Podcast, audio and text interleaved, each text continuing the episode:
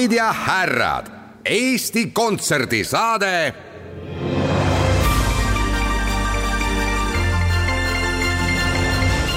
aplaus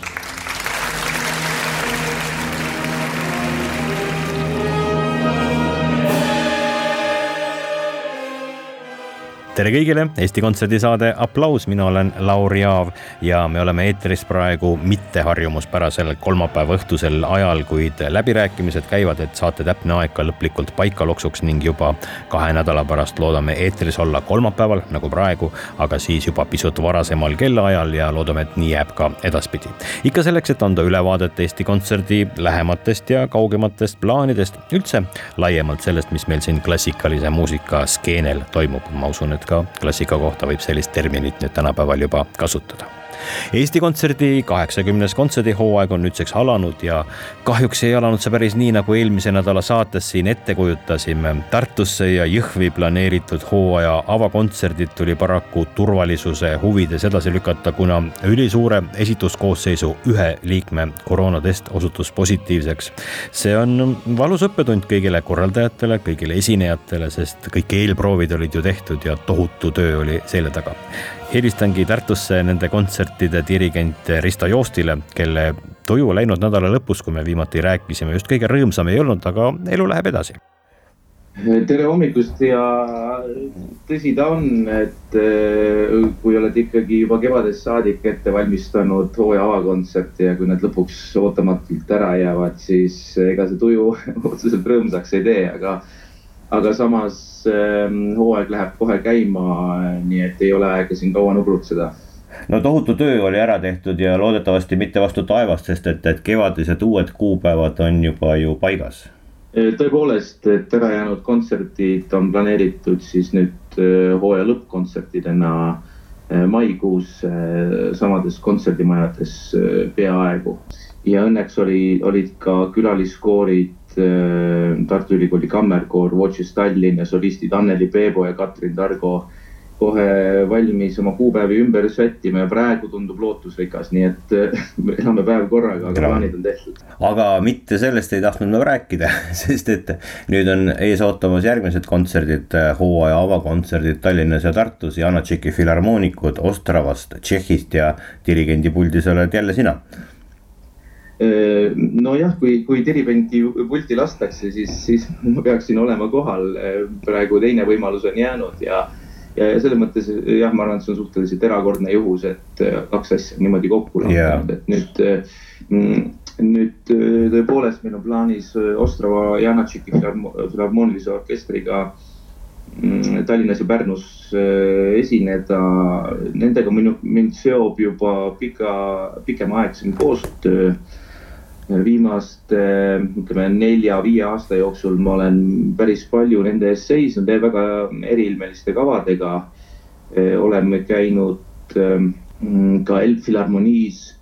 esitanud seal Beethoveni üheksandat sümfooniat ja kontserttuuril veel Poolas ja, ja teisteski kohtades. Nad on orkester, mis tõesti tunneb süvitsi Tšehhi muusikatraditsioone ja kvaliteet on, on väga hea just arvestades Kesk-Euroopa sellist romantilist muusikatraditsiooni. teatavasti Tšehhi muusika on ju üks kõige rikkalikuma repertuaariga muusika kontinentide üleselt ja repertuaari kontekstis me toomegi publikule selle regiooni parima muusika kätte, et ikkagi Dvoržaki sümfoonia uuest maailmast ja Smetana müüdud mõrs ja avamäng. Äh, noh, väga palju paremaks ei, ei saa minna ja siis muidugi nende staarpianist Lukas Vondratšek, kes siis esitab Bartoki kolmanda kontserdi, mis on vähem tuntud, aga väga särav ja, ja elegantne teos mul on selline esmane mulje, et siitpoolt vaadates me kuidagi võib-olla alahindame või ei oska väärtustada Tšehhi muusikaelu. meie jaoks on see Tšehhi üks endine sotsmaa, kust käisid lõbustuspargid siin Eestis, aga, aga me tihti ei mõtle sellele, et, et need tšehhid olid Lääne-Euroopa kultuurielu keskpunktis sajandeid ja näiteks Mozarti Don Giovanni esietendus oli Prahas ja, ja selline muusika esitamise traditsioon on seal üldse ju tegelikult ääretult tugev see on hästi huvitav, et sa seda mainid praegu, sest et ma just, just alustasime Tartus proove Elmo Nüganeniga. tema siis esmakordne lavastus Don Giovanniga ja just Prahast oli, oli meil ju jutt, seepärast tõepoolest esiettekanne seal toimus ja Prahas on toimunud ju väga palju ja üldse Tšehhimaal, Moraavias, Boheemias, kogu selles piirkonnas Äh, väga palju lääne muusikaloo olulisi sündmusi. seal on töötanud ju, ju oma esimesi samme teinud väga olulised heliloojad ja, ja kes juur, juuripidi ongi sealtkandist pärit, olgugi et need võib-olla isegi nimetatakse saksa heliloojateks aga Tšehhi muusika, eriti kui mul õnnestus seal ehm, natukene pikemalt juba Janatšiki orkestriga koostööd teha ja mitte ainult, ütleme, tehes koostööd ka Prahas seal raadioorkestriga ja muudega, Brnos. Ehm, see on ikkagi meeletu traditsioon, meeletu muusikaarmastus ja nad vist ise samamoodi nagu ma arvan jah, suurtele kultuuridele võib-olla omane on, ei tajugi, kuivõrd rikkad nad on, aga meie mm. peaksime suhtuma ülima aupaklikkusega, sellepärast et see on lihtsalt meeletu. Janatšek, Dvoržak Smetana, Martinu muide mm -hmm. väga,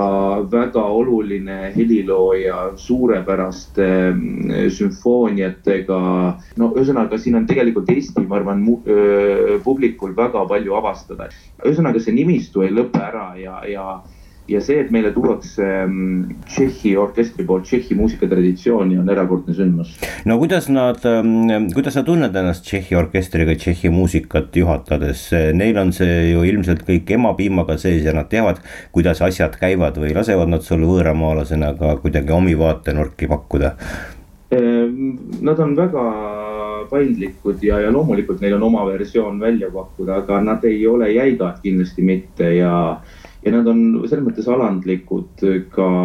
interpretatsiooni suhtes, et ega ütleme naerusuiseid äh, muusikuid seal liiga tihti ei kohta, ütleme äh, peale mm. selle, et, et, et no loomulikult nad inimestena on säravad, aga see, see töökultuur on ikka tõsine, võetakse lugu ette ja, ja hakatakse kõige parim, paremate traditsioonide järgi seda kõike mm, esitama, et, et, et seal ei ole sellist äh,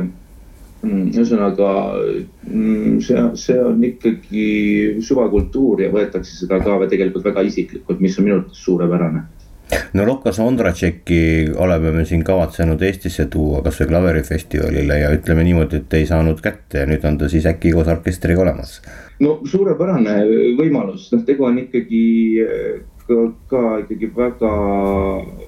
särava noore talendiga, tema, ma olen tema emaga kohtunud Eh, kes on eh, klaveripedagoog ja selles mõttes on see nagu selline Tšehhi kogukond, et eh, kõik on kõigiga tuttavad ja, ja, ja Lukas on muidugi teinud juba väga suure rahvusvahelise karjääri ja tegu on ikkagi väga karakteerse ja särava mängijaga. sa ei ole absoluutselt juhuslikult selle orkestri ees, et ma mäletan, kui mõned aastad tagasi me mm, saime agentuuri poolt selle orkestri pakkumise, siis tuli vihjeid, et, et kindlasti peaks orkester tulema Ristoga ja orkestril on ka edaspidise suhtes, Risto suhtes väga suured äh, lootused ja ootused, aga siis kuidagi jõudis vanemuine vahele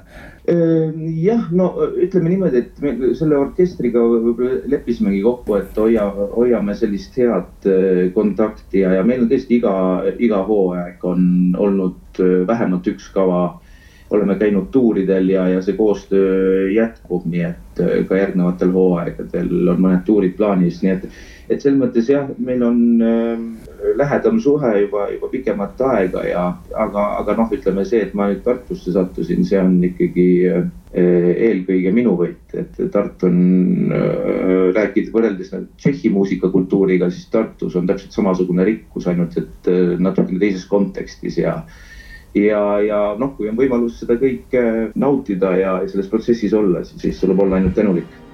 kordame siis üle kõigepealt Mahleri teise sümfoonia uued kontserdiajad, mis on aastal kaks tuhat kakskümmend kaks, kolmeteistkümnendal mail Vanemuise kontserdimajas, neljateistkümnendal Estonia kontserdisaalis ja viieteistkümnendal mail Jõhvi kontserdimajas. esituskoosseis on seal massiivselt ja ka ohtlikult suur Vanemuise sümfooniaorkester ja ooperikoor, Tartu Ülikooli kammerkoor, Voces Tallinn, solistid Katrin Targo ja Anneli Peebo ja dirigent on Risto Joost. ja kõik see toredus on teie ees uuesti maikuus hooaja lõppkontsertidel ja sellised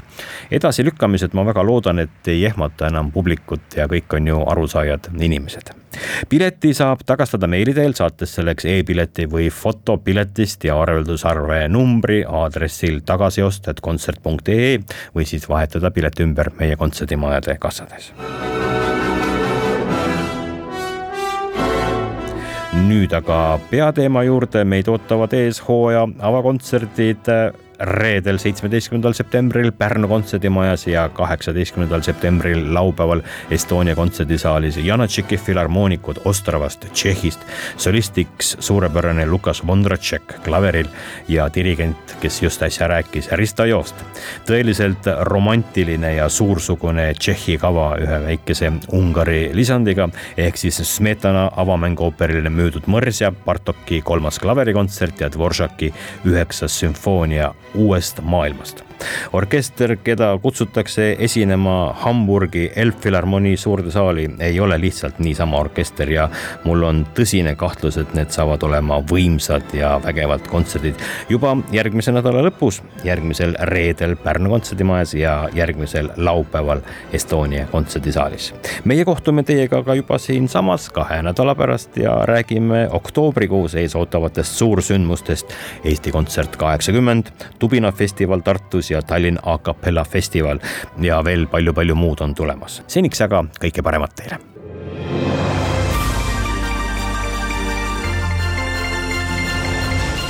aplaus